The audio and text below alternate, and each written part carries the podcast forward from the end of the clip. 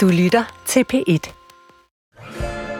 Det her er programmet Hvad vil Jesus have sagt på P1? Et program, hvor jeg forsøger at bringe kristendommen i spil i vores moderne levede liv. Og det gør jeg ved at forsøge at besvare dine spørgsmål, som Jesus måske ville have gjort det. Det er en lidt akrobatisk øvelse, men vi gør ikke desto mindre forsøget hver søndag her på P1. Du kan stille dit spørgsmål til jesus og så er der nogle modige præster her i studiet, der vil forsøge at give deres bud på, hvordan Jesus eller kristendommen vil forholde sig til det, du står i. I dag skal vi... Jeg tror ikke, vi kommer udenom lige at tale om øh, den seneste og sidste i denne omgang syntese-rapport for FN, øh, der viser, hvor sløjt det i virkeligheden står til med vores allesammens øh, fremtid her på jorden. Så skal vi høre fra en lytter, som bærer på en del skyld og skam, fordi hun har brudt med sin far. Øh, så skal vi tale om opdragelse af børn.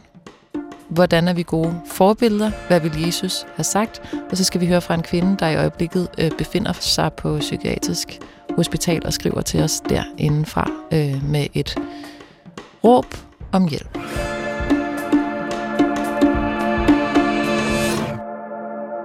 Skriv ind til jesus Og i dag der har jeg besøg af dig, Else Hvid.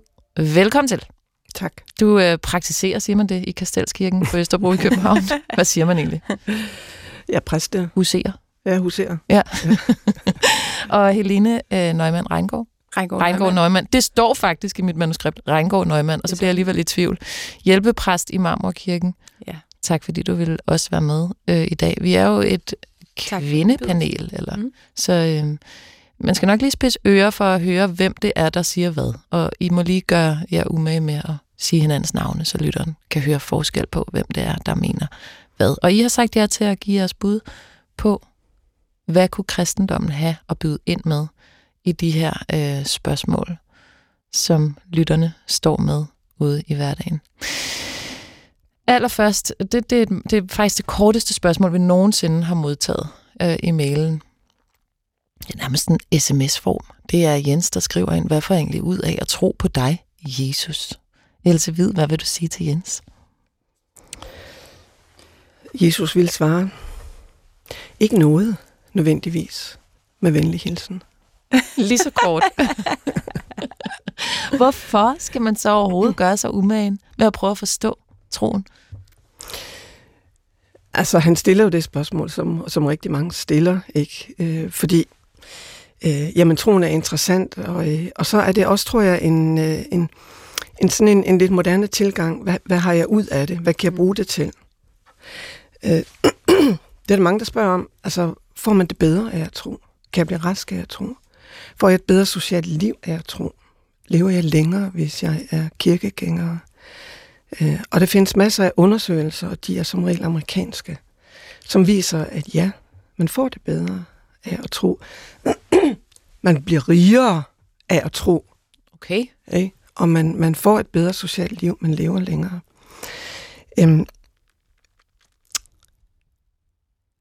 så, så, øhm, så, så der er nogle undersøgelser, der viser det, at ja, det, der, man har noget ud af at tro. Og så er der også undersøgelser, der viser det modsatte, at der ikke er en sammenhæng mellem øh, tro og, og, øhm, og, og, og det, man får ud af, af sit liv. Ja, hvad, skal, jamen, hvad, så tænker jeg bare, hvorfor, hvad, hvad skal man så hvad skal man tro så? Virker det, eller virker det ikke? Nå, men, men, men, men det, er, det er et forkert spørgsmål at stille til troen, fordi mm. troen er ikke et redskab, og troen er ikke et middel, du kan bruge til at opnå noget. Tro er noget, der betyder noget for det enkelte menneske. Ikke i forhold til at få et andet liv, men, men i forhold til at være i øh, det liv, du er i, og, øh, og, og, og, og give det liv en, øh, en, en anden dimension. Øh, troen er ikke et middel, man kan gribe til for at få det bedre. Øh, og det er heller ikke et redskab, man kan gribe til for at håndtere for eksempel Så hvordan en, en, en stresset... Spørgsmålet ja. lyde fra Jens, hvis han skulle stille det igen. Hvordan skulle man så stille spørgsmålet? Du siger, det er det forkerte spørgsmål at stille til tro. Nej, det er det rigtige. Det, det er et, et, et rigtigt nok spørgsmål, men man er bare nødt til at svare, at øh, han får ikke nødvendigvis noget ud af det. Altså den der sådan utilitaristiske mm. tilgang til tro, den, den kan, kan man, kan man måske spørge, hvad kan jeg give, hvis jeg tror? Ja, det, det men, men Det er måske stadigvæk en instrumentalisering. Må jeg supplere? Det må du meget gerne, Altså, Helene. øhm, jeg var lidt inde på det samme. I hvert fald vi høre, at der ikke, troen renser ikke tusser i halsen. Nej, det er det. Øh, Det kan den altså, ikke. Men jeg er helt enig med det, Else siger med, man får ikke noget ud af det. det er ikke en, altså, en tro kan ikke være instrumentaliseret på den måde. Men måske kunne man sige, man får noget selvforglemmelse ud af det, mm. som, øh, som jeg tror, der kan være en sundhed i i dag. Fordi at det er ikke så moderne at glemme sig selv. Øh, og det fordrer troen på en eller anden måde. At man sætter sig selv til side og tænker på noget andet, noget større, Gud. Øhm, så det vil jeg tænke, man måske kunne få ud af at tro. Mm. Hvis man nu alligevel stiller det spørgsmål. Ja. Ja, ja, og, og, og jeg vil jo også sige, at, at man jo på den anden side heller ikke kan afvise, Mm. at, øh, at, at troen på en eller anden måde har en effekt. Altså dine, øh, de tidligere program, der har du siddet med rigtig mange mennesker, som, øh, som, som har haft en oplevelse af, at troen indfinder sig, og det har haft en betydning i deres liv. Mm. De har oplevet en, en fylde, eller de har oplevet sig forandret, eller de ser anderledes på deres tilværelse. Øhm, jeg, jeg tror ikke, nogen af dem er blevet rigere af det, eller Mm. på den måde har fået noget ud af det, men, men der er sket en forandring. Det var jo det, det handlede om, ikke? ja, og så, Langt hen ad vejen. så får man jo også et sprog. Man får et nyt sprog at arbejde med. Altså det kristne sprog har en anden dimension end, end det øh, gængse måske. Altså man, man kan ture og tage begreber som evigheden ind i livet. Mm. Og det, det kan folde noget ud, som, som øh, der kan være en rigdom i, tror jeg. I hvert fald har jeg talt med en kvinde i det netop omtalte program, der ja. sagde, at det hårdeste var for hende at sidde på et dødsleje og ikke have et sprog, der rakte ud over, ud over nu og her. Ja. Ja. Ikke at have et religiøst sprog og gribe om den situation med. Du lytter til, hvad vil Jesus have sagt på P1, og øh, kære Jens, øh, du får ikke noget ud af at tro. Hvis du så tror alligevel, kan det godt være, at der opstår nogle meninger. Men det skal ikke være derfor, at du træder ind i troen. Skriv ind til jesusnabelag.dr.dk Og jeg kunne godt lige tænke mig at høre jer. Hvad siger Jesus til den seneste og forløbigt sidste, det der hedder synteserapport fra FN? Der går nu syv år før den næste ankommer, og det betyder, at det her det er sidste mulighed for at rette op, hvis vi vil holde os under det, som vi har aftalt, nemlig halvanden grads temperaturstigning globalt set. Øh, hvis ikke vi retter op nu, hvis ikke at øh, den fossile udledning stopper nu, så kan vi bevæge os over 1,5 gradsmålet. Vi kan faktisk stå til at stige 4,4 grader Celsius hen imod år 2100. Øh, det betyder uoprettelige skader. Det betyder, at store dele af Afrika, Indien, Thailand, Sydamerika bliver ubeboelige i store dele af året fra måske allerede om 80 år. Det her, det er jo et kæmpestort spørgsmål. Det er ikke en lytter, der har stillet det i den her omgang. Vi har fået det ind i forskellige variationer. Nu synes jeg, det er på sin plads at tage det op, fordi det er aktuelt i den her uge. Hvad ville Jesus have sagt til denne her rapport? Else Hvid. Og du spurgte også, faktisk, skal kristendommen ikke undskylde, at man har promoveret, at mennesket skal herske over naturen? Det er rigtigt. Jeg sendte jer, inden at vi gik i studiet, for det her er så omsaggribende et spørgsmål. Skal kristendommen ikke undskylde, at vi står her, hvor vi står, i det, der er blevet sagt, at mennesket skal herske over naturen? Mm. Og det spørgsmål hæftede jeg mig nemlig ved først. Fordi det ville jo være, det ville jo være bekvemt, hvis vi kunne sige, at det var kristendommens skyld, at vi står i det her moras, som vi jo står i. Ikke? Øh, og herske over naturen, det, det, det går jo tilbage til skabelsesmyten. Ikke? Øh, og, jeg, og jeg synes, vi skal begynde der, og så skal vi komme nogle andre steder hen. Eller jeg vil begynde, gerne begynde der, fordi skabelsesmyten er jo en før kristen myte, øh, og, og myterne, de første fortællinger i det gamle testamente, er jo ikke fortællinger, som har ville være naturvidenskab, eller forklare, øh, hvordan himmel og jord er blevet til. Mm. Må jeg lige spørge, hvorfor kalder du det myte og ikke en beretning? Fordi eller? det er en myte. Ja. Og en myte er en fortælling, som, øh, som, som egentlig ikke lærer os noget nyt, som ikke forklarer de væsentlige sammenhænge, men som, øh, som reflekterer de vilkår, vi er fælles om. Mm. Alle kulturer har myter. Alle kulturer har også en skabelsesmyte. Og den her skabelsesmyte, som vi kalder den jødisk kristne, det er i virkeligheden altså øh, jo en, en, øh, en fantastisk myte, som, som, som viser rigtig mange ting. Blandt andet viser, at teologi og natur helt fra side 1 følges ad. Og der taler vi en, jordens skabelse. Der taler vi jordens Syv skabelse. dage. Ja. Og sådan fortæller myten det. Altså, det er jo de færreste af os, der tror, at himmel og jord er skabt på seks dage, og så hvilede han den på den syvende. De fleste af os har ret meget fidus til naturvidenskabens forklaringer om Big Bang, om evolutionsteori. Så myten vil noget andet. Den vil reflektere over øh, ja, teologi og natur. Den vil ikke mindst reflektere over menneskets placering i naturen og i verden. Og det gør den, det gør den ved at bruge det ord, som på dansk er oversat med herske. Ikke? Gud skaber mennesket i sit billede, øh, og det skal herske over havets fisk, himlens fugle osv. Ikke? I den øh, øh, nye oversættelse, eller øh, hvad man nu skal kalde den, Bibelen 2020, mm. som er et, øh, et forsøg på at oversætte i et lidt mere sådan nutidigt dansk. Ikke? Der oversætter man det sted med at lade os forme mennesker, de skal ligne os, så de kan tage ansvar for fisken i havet osv. Ikke? Der er man forsøgt at imødegå det, som allerede, den kritik, der allerede ligger i herske. Mm. Men, men i skabelsesbrænding, der, der, der står der også, at, øh, at det store lys, altså solen, skal herske om dagen. Det lille lys, månen, skal herske om natten. Så herske, vi opfatter det som et negativt begreb. Det skal man ikke gøre her, men, men, men mere se det som, øh, hvad er størst? Altså, øh, om, om mennesket er sat som en forvalter her. Herske jo selvfølgelig ikke i betydningen, her er naturen, slå det ihjel. Mm. Vel, så i virkeligheden er herske et begreb, der antyder, som du ser det, og som man kan argumentere for, et ansvar ja for noget. Altså et ansvar for at forvalte på en ansvarlig måde. Helt klart. Og, og skabelsesberetningen, når, når den stadigvæk, når den er vigtig i en jødisk kristen sammenhæng, så er det jo fordi, at den sætter os sammen med den øvrige natur i forbindelse med skaberen. Ikke? Vi er skabninger, det er det, der ligger i, det er det, der er vigtigt i skabelsesberetningen, at vi opfatter os selv som gudskabninger på linje med naturen. Ikke? Så man kan godt øh, forsvare øh, den måde, det står på, men det er jo ikke blevet læst sådan. Det, det kan da sagtens være kristendommens skyld, så at mennesket har forstået det anderledes, at vi skal bestemme over naturen og bruge, bruge omgivelserne og jorden, som det tjener os bedst.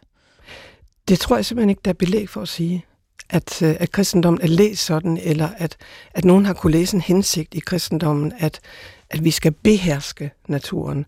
Jeg tror, at, at øh, jeg, jeg tror, vi må bære det ansvar helt fælles, på tværs af religioner, på tværs af ikke-religioner og, og religioner. Jeg tror, vi er i den her superdags og har bæret et fælles ansvar for den mm. hele vejen igen. Men globalt set, hvis man kigger på naturreligioner, så kan de da umuligt bære lige så stort et ansvar som kristendommen. Når man global, globalt set er, er øh, kristendommen mest massivt sammen med islam og jødedom massivt til stede i den vestlige del af verden, som jo er den industrialiserede del af verden. Ikke? Og, og det er der sammenhængene skal findes. Ikke? Altså, det er også os, der er øh, overforbrugere på, øh, på IT-teknologi, som, som er noget af det, der er... Ja. Så hvor det lige kommer, om det kommer fra kulturen eller fra troen, det kan man måske heller ikke, eller Nej, men, endeligt afgøre. Du mener så i hvert fald, det ligger i kristendommen, Helene? Nej, men jeg tænker bare, at når vi endelig snakker skabelsesberetning, så er det jo også vigtigt at pointere, at skaberværket har jo fra begyndelsen været med det hele menneske. Også det grådige menneske og det øh, magtfuldkommende menneske, lige så vel som det kærlighedsfulde menneske det, det har været det hele, der er med der. Mm. Øh, og det har vi jo set igennem historien.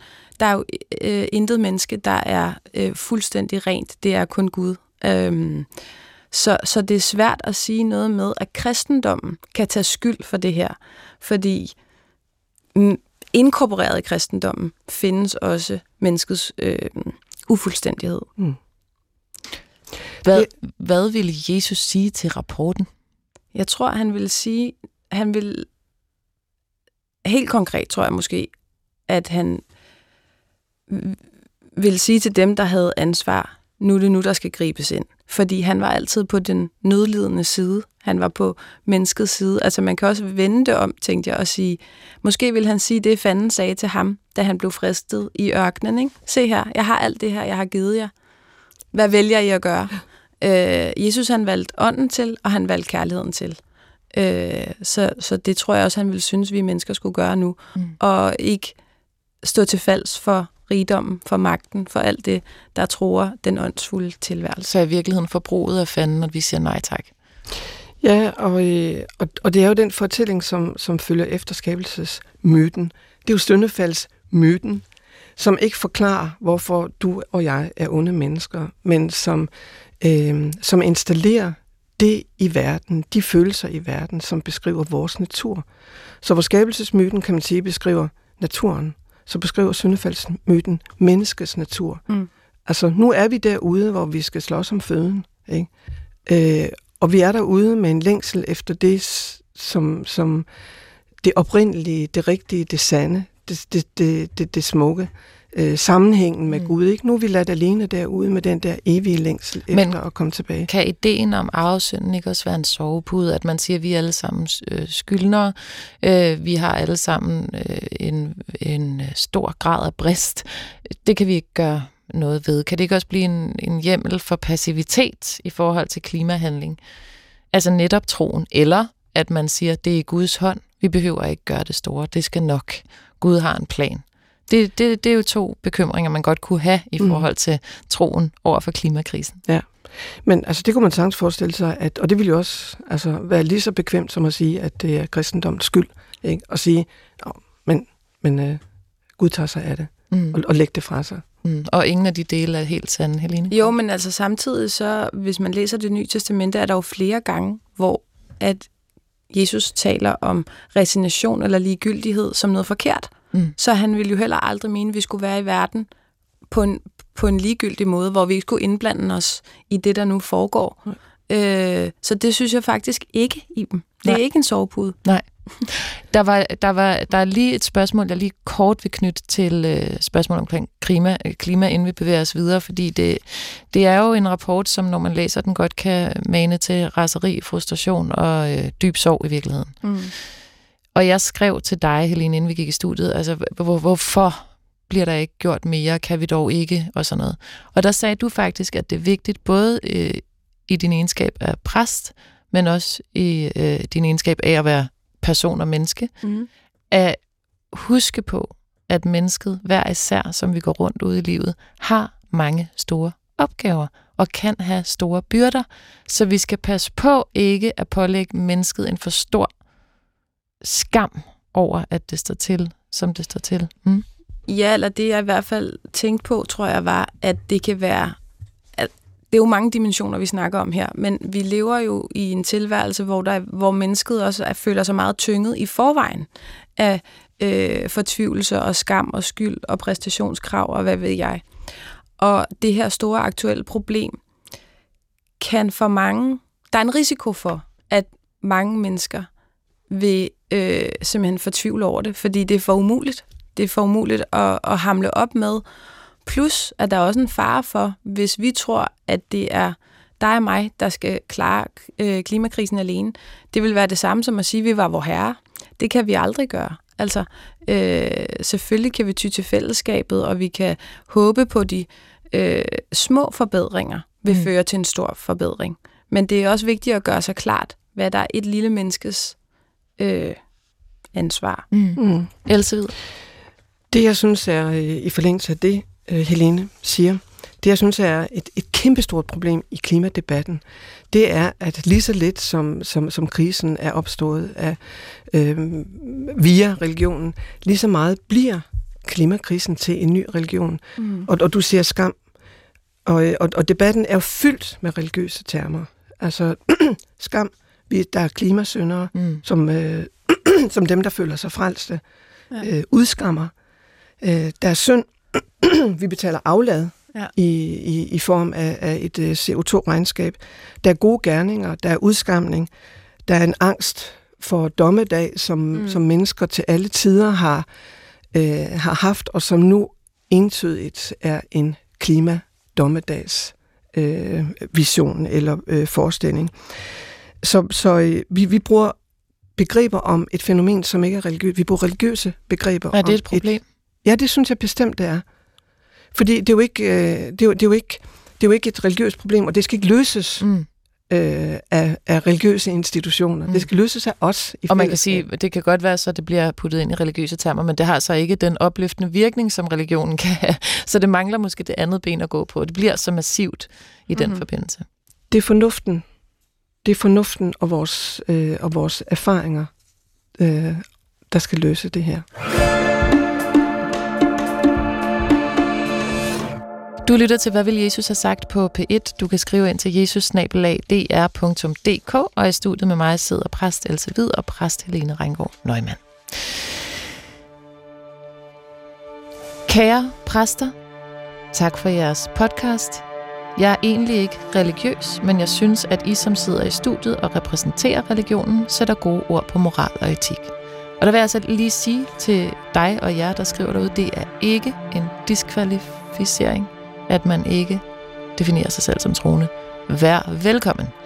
Jeg har et spørgsmål omkring skyld og samvittighed. Jeg er opvokset med en alkoholisk far, og af den grund stoppede jeg kontakten med ham i to-tre år, da jeg var mellem 17 og 20 år. Den afbrudte kontakt gjorde, at han hverken var der til min 18-års fødselsdag, eller da jeg blev student. Jeg bedte ham aldrig om at blive væk, men jeg inviterede ham heller ikke. Han døde, da jeg var 21 år. Jeg er i dag i midt 20'erne og afklaret med hans død, men den dårlige samvittighed og skyld over, at jeg ikke inviterede ham til de større events i perioden, vi ikke sås, jagter mig i mine mørkeste drømme. Selvom jeg rationelt godt ved, at der var en grund til, at jeg ikke så ham. Hvordan tilgiver jeg og frigør mig selv? Hvad ville Jesus have sagt? Tak for at lytte, og tak for at tage jer tiden til mit spørgsmål. Med venlig hilsen, en dansker i Paris. Ja, hvad ville Jesus have sagt til vores dansker i Paris? Helene. ja, det er et rigtig, rigtig godt spørgsmål.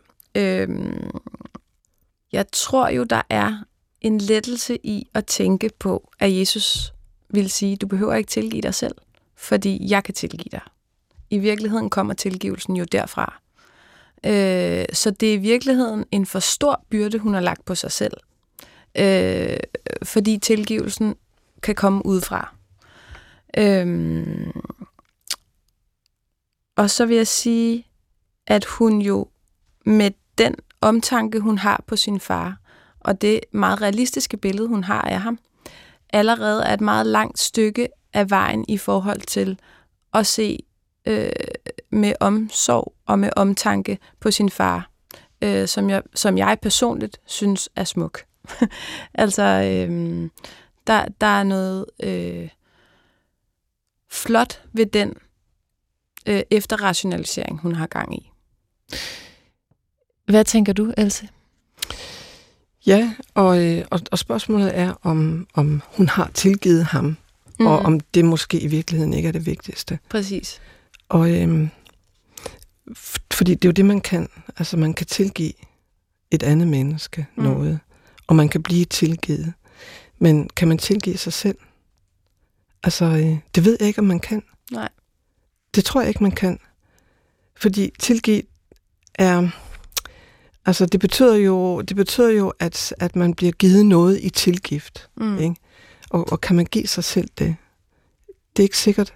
Nej. Og i, i, øh, jeg, jeg, jeg synes ikke, jeg stod på det i, øh, i, i, de, i de bibelske fortællinger i kristendommen. Altså, hvor, hvor vi, øh, som du siger, altså, jo støder på, at øh, øh, et krav om at tilgive den næste, mm. og et løfte om, at du er tilgivet her.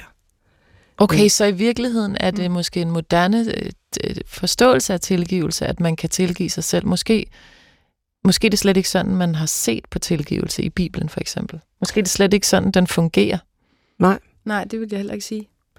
Altså, øh, når, når, når hun gerne vil kunne tilgive sig selv, så er det jo fordi, at hun oplever den her tyngde. Hun har dårlig samvittighed. Og øh, altså skyld og tilgivelse som vidtighed, man kan jo sagtens tænke de begreber i en ikke-religiøs kontekst og en ikke-kristen kontekst. På en eller anden måde falder det bare bedst på plads mm-hmm. i en religiøs Ja, nu kontekst. spørger hun jo så Og det er også derfor, hun ja. spørger, ikke? Øhm, men, men så i... Øhm, Det vil jeg bare lige sige, det synes jeg er en vigtig pointe, at når vores lytter i Paris sidder og tænker, hvorfor kan jeg ikke tilgive mig selv? Det må sikkert være, fordi min brøde er så stor. Mm. Så kan det være, at øh, årsagen er, at tilgivelsen ikke fungerer sådan. Den er slet ikke noget, man kan give til sig selv, uanset om det er en stor eller en lille mm. ting. Man, øh, og, og den tyngde, det er i hendes tilværelse, er måske i virkeligheden en god tyngde.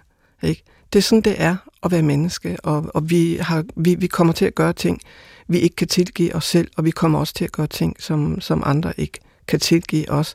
Altså kristendommens helt ufattelige og aller, aller mest centrale budskab, det er jo præcis det, at Guds tilgivelse ikke er bestemt af vores gerninger. Mm. Det er det helt fundamentale i kristendommen. Mere end faktisk det med næstekærligheden, som mm. man jo altid tager frem først. Ikke? Det, er det, det er det fine ved kristendommen. Men, men, øh, men, men, men tilgivelsen... ja, for det skal jo følges ad, for ellers så kan, så, er der, så kan man have lov til at gøre hvad som helst. Ja, og, og, og, og der er jo en, en frisættelse i at vide det. Ikke? At der er ikke mm. noget her, der skiller dig. Og så kan jeg ikke lade være med at tænke på, at det egentlig ikke også meget væsentligt at tage fat i, om hun overhovedet har grund til den skyld og skam. Jo. Fordi at i virkeligheden er der jo sket det, at der er en anden, der har øh, gjort noget, Mm. Mm. eller været en type menneske, som ikke har været nem at leve med. Ja. Og øh, han har så pålagt hende en opgave, som i virkeligheden ikke er hendes. Mm. Øh, han kunne lige så godt være dukket op på trods af ingen invitation. Mm. Han kunne lige så godt være stoppet med at drikke, og nu er han så ovenikøbet død, så han kan ikke engang tilgive hende. Også det gjorde han forkert, kan man sige. Ikke? Jeg ved godt, at man ikke selv bestemmer, om man kommer herfra i de fleste tilfælde. Men det er jo i virkeligheden ham, der skulle give hende tilgivelse, hvis hun overhovedet skal have tilgivelse for at have handlet muligvis meget kløgtigt. Hvad vil Jesus sige til, hvem har skylds? Hvem har skylden her? Og man kan sige, at grundlæggende handler det jo om, at der er en sorg omkring, at det forhold ikke gik, som det kunne have gået. Mm. Hvem har skylden for det, vil Jesus sige? Mm. Jeg vil hellere sige det på en anden måde. Eller, øhm, jo, men altså, Jesus vil ikke sige, du har skylden. Jesus vil, altså Jesus vil, tror jeg, tage udgangspunkt i, du har en skyld, og det har, altså der er ingen, der er uden den skyld.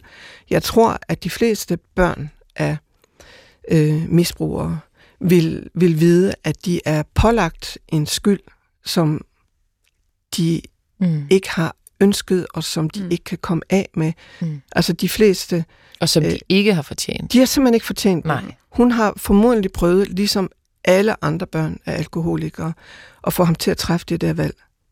Ved at sige til ham, øh, nu, nu, nu, ja. nu, nu, nu stopper vi lige kontakten. Vælg, vis mig, at du kan vælge. Vis mig, du vil den kontakt. Og det har han ikke kunnet, fordi han har lidt af den her sygdom. Ikke? Så det er, det er jo noget af det aller, allermest ulykkelige. Mm. Det er præcis den skyld. Når hun spørger, hvordan hun frisætter sig selv, for det er jo i Mm. virkeligheden det, hun spørger. Hvad vil Jesus have sagt? Er der et billede? Er der en historie, hun kan gribe ind i? En lignelse? Et citat? Noget, hun kan huske sig selv på, når hun sidder i Paris og bliver ramt af skyld? Hun vil gerne frisættes fra den skyld. Hvad skal hun sige til sig selv? Hvad vil Jesus sige, at hun skulle sige til sig selv? Altså, jeg, jeg tænker på, der er jo et sted, hvor Peter spørger Jesus, øh, øh, hvor mange gange skal jeg egentlig tilgive min bror, når han har syndet? Mm. Øh, og Peter, jeg det er en af disciplene. Ja. Yes. som var meget tæt på Jesus. Og så svarer Jesus, eller så spørger han, øh, skal jeg tilgive ham syv gange? Og så siger Jesus, nej, du skal tilgive ham op til 77 gange.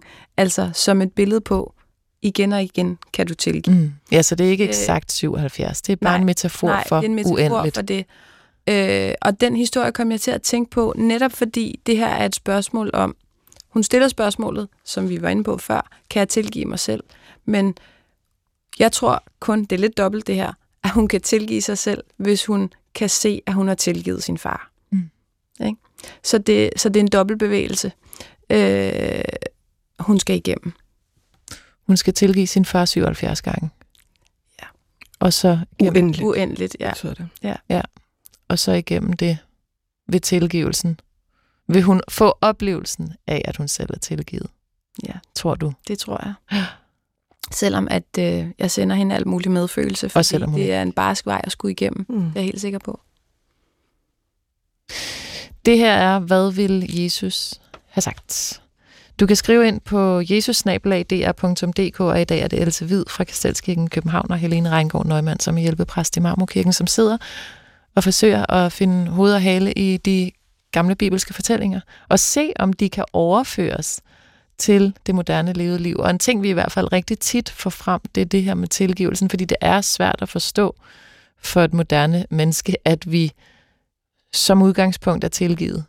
Øh, og det er svært at forstå, at konsekvensen af den tanke kan være okay. Hvordan kan det så ikke være øh, en, øh, et grønt lys til at opføre sig utroligt dårligt hele resten af sit liv? Og der siger du, Else, jamen, så er det næste budskab, næste kærligheden. Vil det altid være, de to ting skal altid følges ad.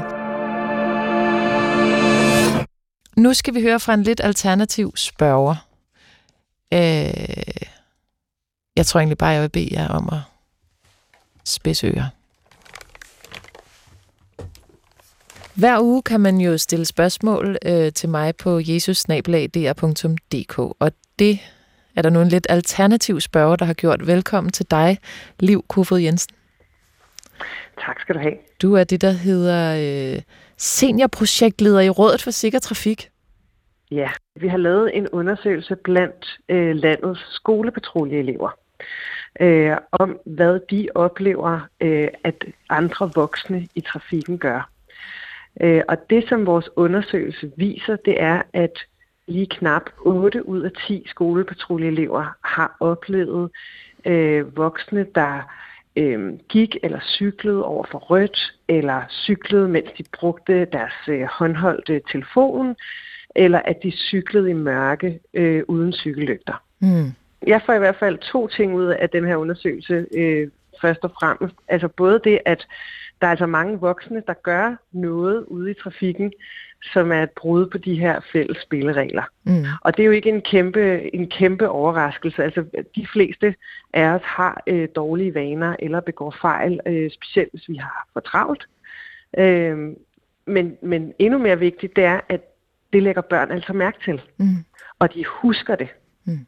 Så det her, det, den her undersøgelse er blevet lavet ude i trafikken. Det er jo, man har spurgt nogle børn, om de, har, om de kan huske at have set noget af det her inden for de sidste tre måneder. Mm. Øh, der er påfaldende få i den her undersøgelse, der siger ved ikke, altså som er i tvivl. Vi lærer jo vores børn, at, at når det er rødt, så bliver man stående og venter på ens tur til at gå over, og så videre. Så det er jo øh, børns opfattelse af rigtigt og forkert, som vi har været med til at give dem Mm. som forældre. Og så sker der altså de her ting, som er et brud, øh, en forstyrrelse af den her verdensopfattelse. Og det lægger børnene mærke til. Så vi lærer dem en ting og gør noget andet. Ja. Og hvad er det så, Rådet for Sikker Trafik vil spørge Jesus om? Jamen, jeg kunne godt tænke mig at høre, hvad vil Jesus have sagt til de voksne, som ikke tænker over, at det de gør, øh, bliver lagt mærke til af børn. Mm. Så hvad vil Jesus sige til de voksne, der kører over for rødt i nærheden af en skolepatrulje? Ja, og det, er jo, og- det kan jo også bare være børn i det hele taget, øh, fordi det er også, børnene har også svaret, når de ikke var skolepatruljer. Mm. Så det er også, når de bare øh, selv går til skole, eller, eller cykler til fodbold, eller hvad de nu gør. Så, øh, så, så kører de ud i trafikken, eller går ud i trafikken, og lægger mærke til de her ting. Så, så det er, at, at vi som voksne gør nogle ting, vi ikke selv lægger nogen betydning i. Mm. Men det gør de her børn altså. Og hvad vil Jesus sige til dem? Og så, øh, det kan jeg love dig, det stiller jeg spørgsmål til præsterne. Og så vil jeg bare lige, det er jo også noget med, at I laver, I laver rigtig mange af de her forskellige undersøgelser. Der er noget, der tyder på, at vi er mere ordentlige over for vores egne børn end andres børn. Ja, vi, vi føler helt klart, at vi er meget bevidste om, at vi er rollemodeller, når det handler om vores egne børn. Så kører vi pænere, når vi har vores børn med i bilen. Vi øh, går heller ikke over for rødt nødvendigvis. Vi er, vi er vi har mange har også cykelhjelm på, når de cykler sammen med deres børn. Altså, så vi er rigtig opmærksomme på at være det gode eksempel og gå forrest, når vi, øh, når vi har vores børn med i trafikken. Men så ser vi jo desværre bare eksempler på, at når man så har afleveret barnet i Ja. institutionen for eksempel, så løber man over for rødt, ja, så er man bare den over for rødt, fordi så skal man skynde sig på arbejde. Ja. Og så var der altså 20 andre børn, der også skulle ind på den her skole eller institution, som så så det. Og det tænker vi desværre ikke over. Og det kan vi jo også lige spørge om. Hvad vil Jesus have sagt til, at man opfører sig mere bevidst over for egne børn end over for andres børn? Ja. Jeg er fuldstændig med på, at jeg er blevet offer for lobbyisme, i det, at øh, Rådet for Sikker Trafik skriver ind, men øh, fristelsen i forhold til at sætte deres undersøgelse op imod Bibelen, den kunne jeg ikke stå for. Så, Helene Reingård Neumann og Else Hvid, hvad ville Jesus have sagt til, at vi åbenbart er bedre rollemodeller over for egne børn, og når det kommer til andres, så slipper moralen altså fuldstændig. Else Hvid. Altså, jeg ved ikke, hvorfor hun spørger Jesus. Psykologerne og pædagogerne og øh, sociologerne øh, og alle de andre med forstand på børn og forældre og samfund vil kunne øh, svare meget bedre, kunne give nogle analyser af den generation af forældre, som øh, opfører sig dårligt i trafikken og som øh, bærer deres børns tasker og øh, kæmper deres kampe for dem. Og, og, og de vil sikkert også kunne forudse, at vi risikerer at ind med nogle børn, som, øh, som ikke harmonerer, som ikke kan altså navigere i et øh, voksenliv på den her baggrund. Så øh, jeg er for gammel til Aula, men, men jeg har hørt om det der Aula helvede, og min svigerdatter har tilbudt mig et login, og det har jeg sagt nej tak til. Ja, okay. det bliver nej tak herfra. Det bliver nej tak herfra. Jeg tør ikke. Øhm, men det sjove det er, at der findes faktisk sådan en Aula-mor i øh, det nye testamente. Nej, kom med det. Hun er mor til to drenge. De hedder Jakob og Johannes. Hun har ikke et navn, selvfølgelig, i den her fortælling. Hun er bare Zebedeus sønnernes mor. Ja. Øh, hun går hen til Jesus en dag øh, og, øh, og beder om, øh, om ikke hendes to sønner må få de bedste pladser i hans rige. Den ene ved hans højre side, og den anden ved hans venstre side. Og øh, de andre disciple bliver selvfølgelig enormt forarvet, fordi det kunne de og deres mor selvfølgelig aldrig finde på. Det kunne de godt. Øhm, øh, I øhm, i, i Markus, der er, det, der, der er det sønderne selv, der beder om de her pladser, men i Matthæus, der er, der er det mor, der kommer. Der er en og, kølingmor i Matthæus evangeliet. der er simpelthen en kølingmor, ja. som, som forsøger at lægge et godt ord ind for, øh, for, for sine sønner. Og det er selvfølgelig enormt forarveligt. Det er klart. Øhm, og og man, man kan godt for en umiddelbar læsning se hende som sådan en rigtig irriterende aflamor. Øhm, hende, der fuldstændig uden blusel promoverer sit eget afkom på bekostning af, af de andre børn i klassen. Øhm, under alle omstændigheder er det jo virkelig pinligt for hende, og øh, endnu mere pinligt for, for de her voksne mænd, som åbenbart ikke kan svare for sig selv. Og så er det, at Jesus helt tålmodigt, men bestemt må forklare, hvordan tingene hænger sammen. At det er den, der tjener andre, der har den fineste plads i Guds rige. Tag den. Og ved I, hvem det er i undersøgelsen fra Sikker Trafik? Nej. Det er jo skolepatruljen.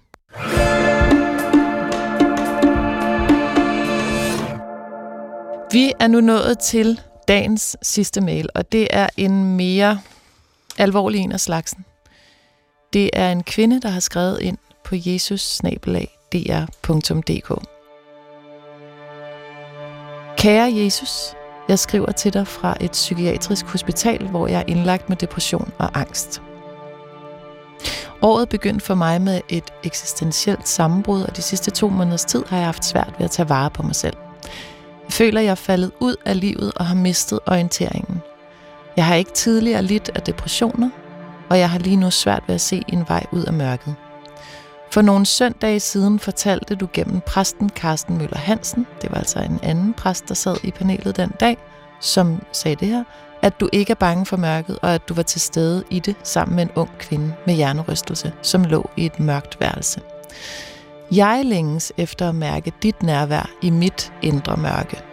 Selvom jeg ved, at mange andre har oplevet at være i en depression, føler jeg mig meget alene og spærret inde i den her livløse tilstand.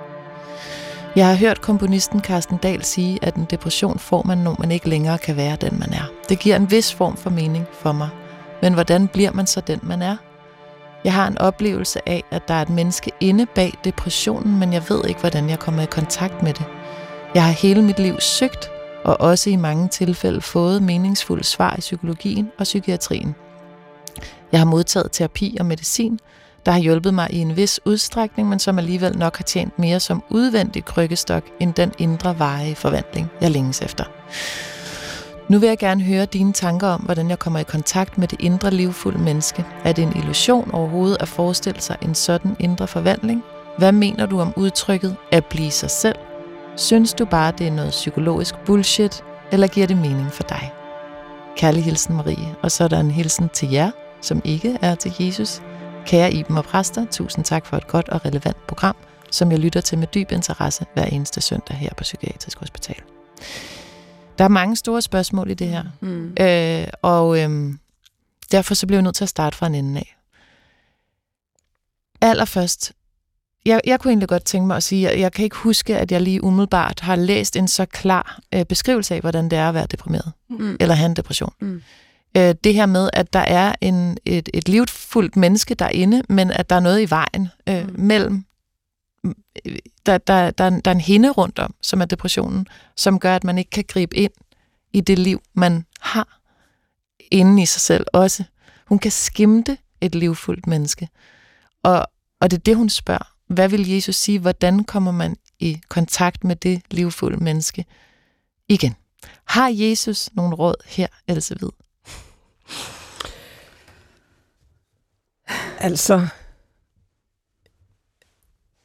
måske vil, han, måske vil han svare på hendes spørgsmål, er det her bare psykologisk bullshit? Så vil, måske vil han svare, ja, det er noget bullshit. Glem det. Det med at blive sig selv. Det med at blive sig selv, glem det, siger han.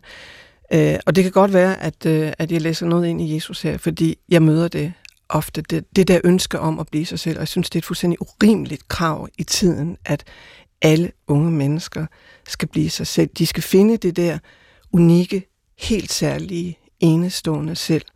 Altså vi siger jo, at i dag er det ikke nok at blive til noget.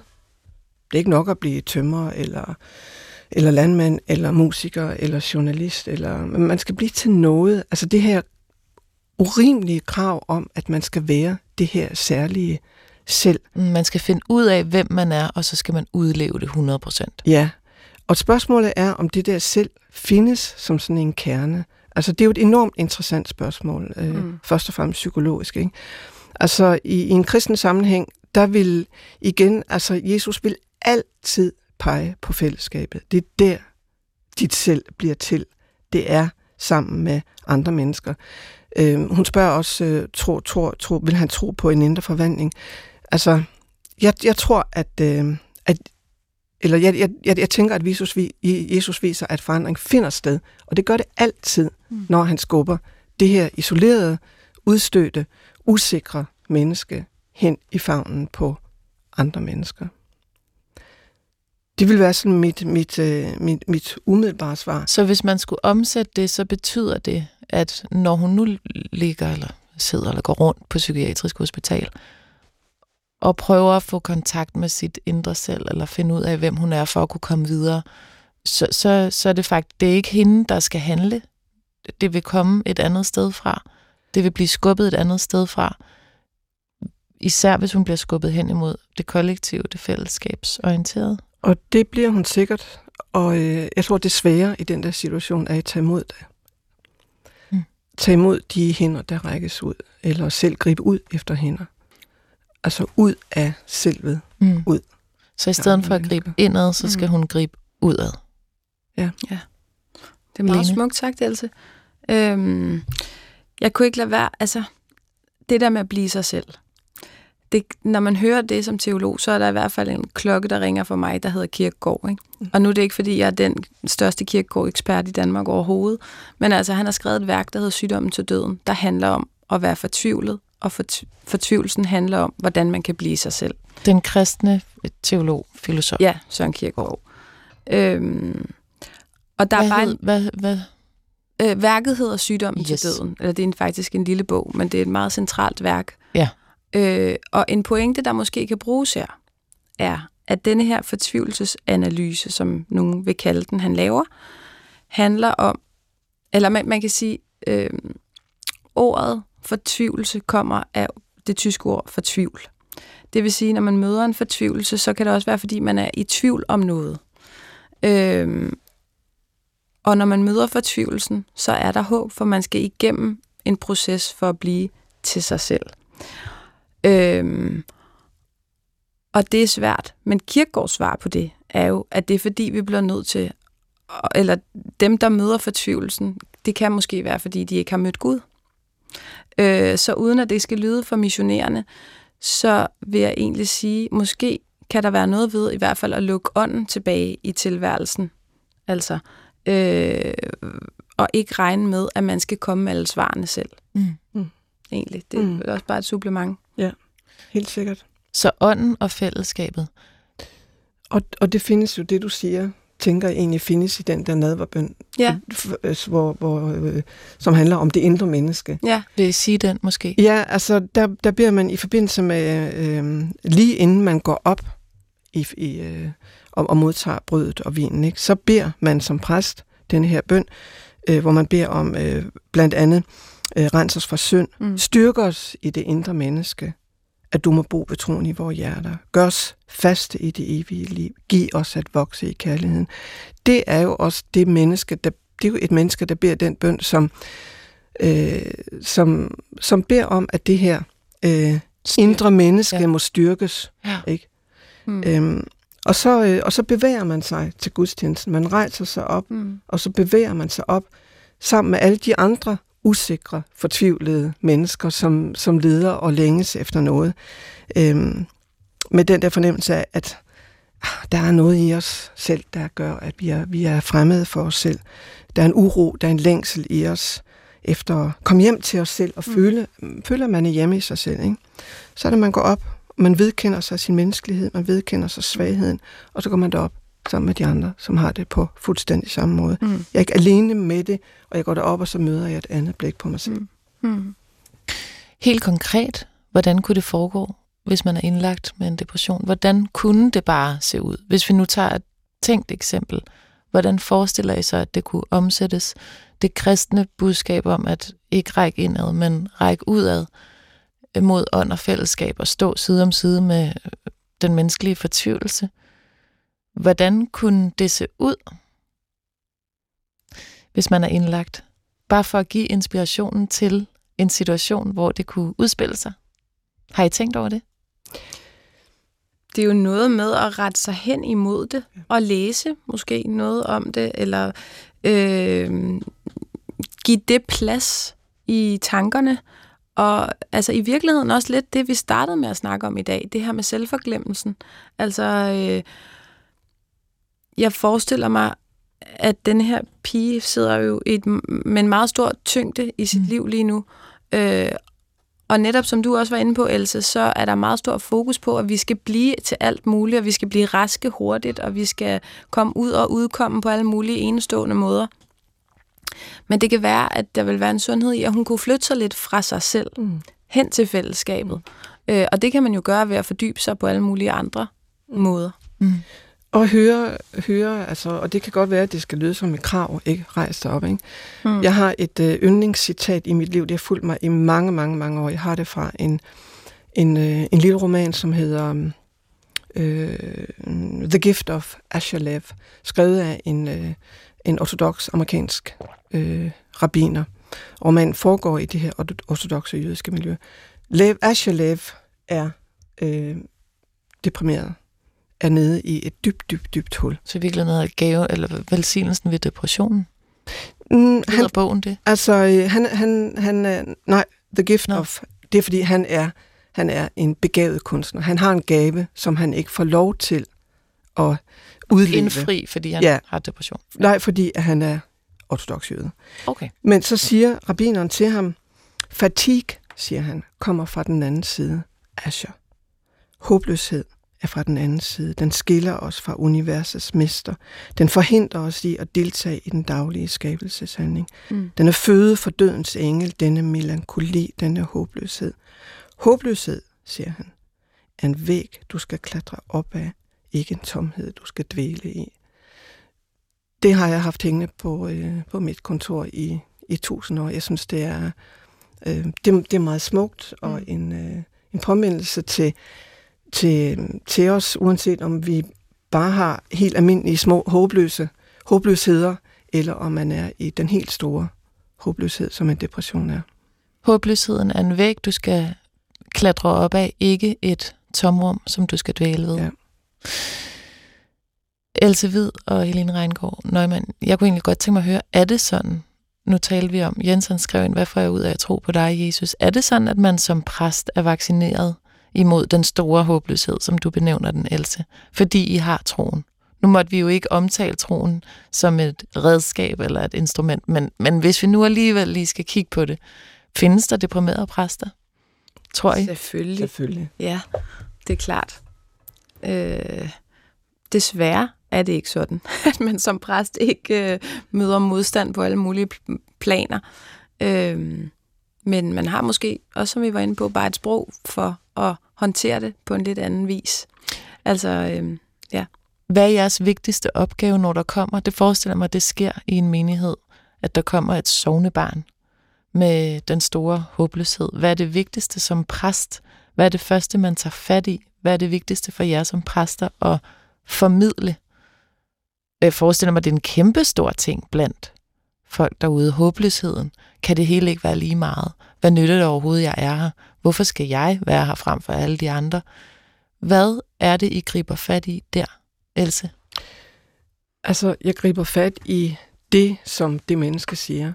Der er ikke, øh, vi, vi vil ikke kunne komme med nogle konkrete anvisninger, fordi det kommer helt an på, altså, hvad, hvad er det det første, det menneske siger? Så er det der, vi begynder. Der er ikke nogen specifikke, generelle ting. Der er ikke nogen øh, øh, værk, værktøjer, øh, som, som man imødegår håbløsheden med. Og så vil jeg være meget, meget opmærksom på, øh, hvad, hvad, hvad jeg kan og skal som præst, og hvad jeg kan og skal huske at minde om en psykolog eller en psykiater bedre vil kunne. Og hvad er forskellen der? Nå, men jeg har ikke forstand på øh, psykiske sygdomme, eller øh, jeg er ikke god til at, at, at forklare eller hjælpe mennesker med at, at lære, hvordan de håndterer de følelser, som, øh, øh, som, som de bakser med. Øh, præster kan være gode til at, øh, øh, og, øh, at fortælle kristendommens øh, fortællinger om, øh, hvor, hvor, hvor alle de følelser jo spejles. Ikke? Det er jo det, vi har forsøgt at gøre i dag med de her fortællinger. Ikke? Øh, så alt afhængig af, hvad er det, det menneske spørger om. Og der er opgaven så at sætte det ind i en kontekst, hvor man kan se, at de følelser, man har, de er spejlet, og grunden til det er en betryggende ting at give videre, det er jo selvfølgelig, fordi man ikke står alene. Ja, altså man skal ikke svare på noget, mennesker ikke spørger om. Tænker. Nej, ja, altså det du taler om er jo, hvad, hvad vi siger til folk, vi møder i en sjælesoverisk mm. kontekst. Ja, hvad kan kristendom Og der vil jeg bare sige, det er jo helt vildt, hvad det kan gøre bare at lytte. Mm. Altså, det hører vi også på mange historier i Bibelen, ikke? Ja. Øhm, og sjælesorg betyder jo omsorg for sjælen.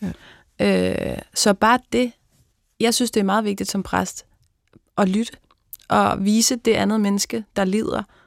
Øh, vi viser, eller jeg har omsorg for dig og din sjæl. Mm. mm. Uden at vi skal helbrede alt muligt. Ja. Det er helt rigtigt.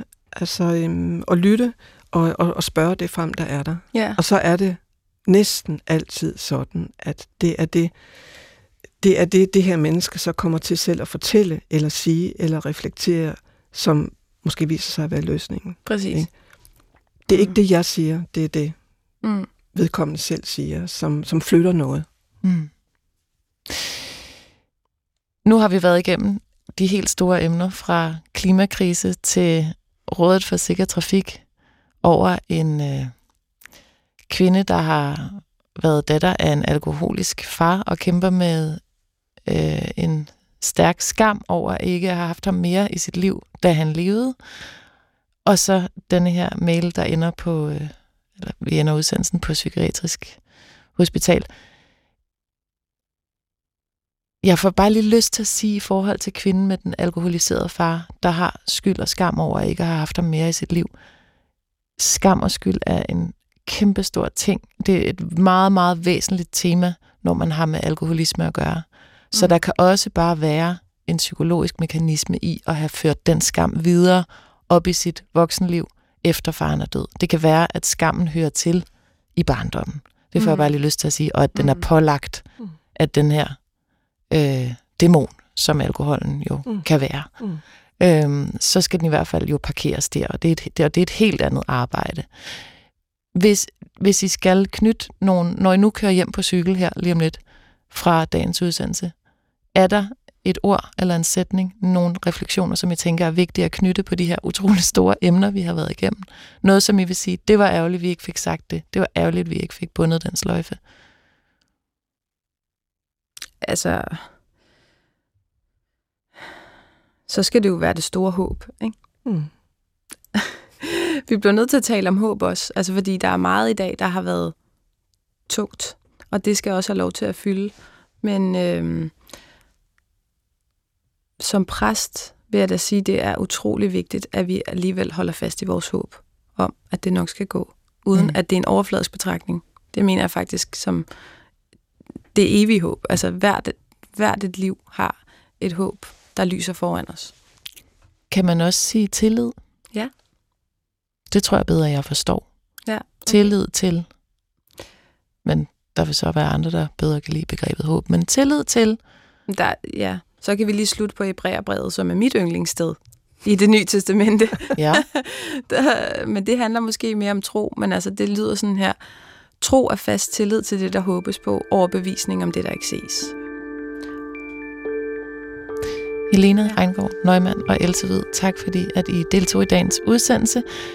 Du, der lytter, kan skrive ind til jesusnabelag.dr.dk, og så vil der blive sørget for din sjæl, så godt vi nu kan i det her program, hvor vi altså forsøger at overføre de gamle bibelske fortællinger på det levede liv ude i Danmark. Du kan også gå ind og finde alle tidligere udsendelser på din DR Lyd-app, og du kan sågar melde dig som abonnent, og så vil du få udsendelsen øh, ned på din telefon eller tablet, i det vi udkommer hver søndag kl. 6. Og ellers på FM kl. 11. Tak fordi du lyttede med.